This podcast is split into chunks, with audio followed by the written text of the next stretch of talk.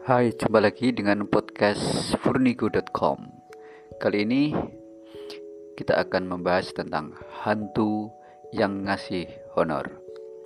Jika Anda suka solusi simple dalam mengatasi hantu rugi, hantu ribet, dan hantu buang waktu Silakan lanjut dengarkan podcast ini.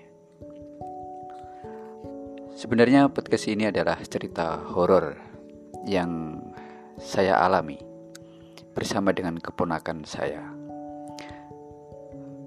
Nama keponakan saya itu Abil, berusia dua setengah tahun. Ia menyukai film kartun Casper.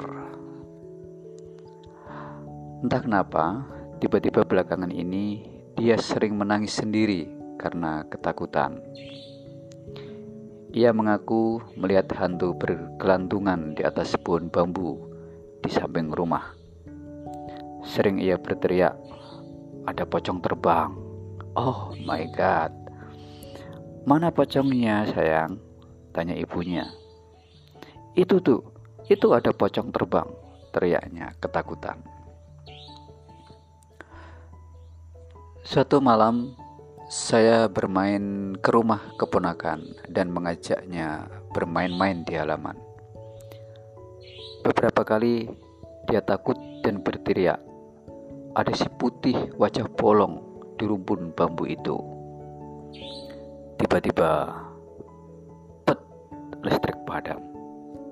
Situasi gelap gulita, gelap sampai lama. Abil menangis, saya menggendongnya.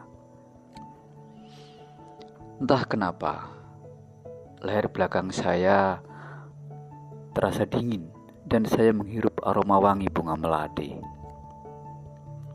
Pikiran dan imajinasi saya langsung dipenuhi oleh hantu. Saya melihat cahaya kecil terbang di rumpun bambu itu. Kadang hilang, kadang muncul. Dan kulit tangan saya mulai merinding. Takut.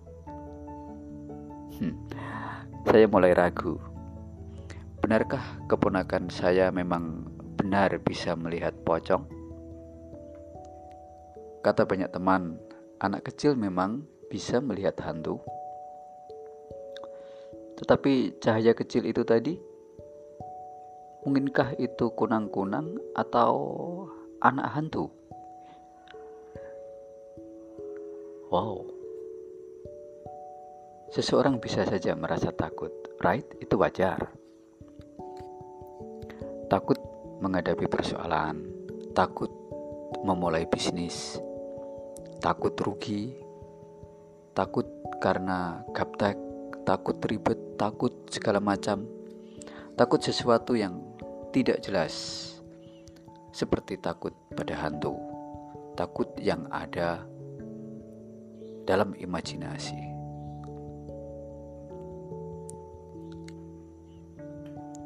Bagaimana kalau saya menunjukkan kepada Anda cara memotong ketakutan pada hantu rugi, hantu ribet, atau hantu gaptek? Silahkan join di furnigo.com. Oke, sebentar ya, saya pamit uh, bikin kopi dulu. Dah, salam hangat.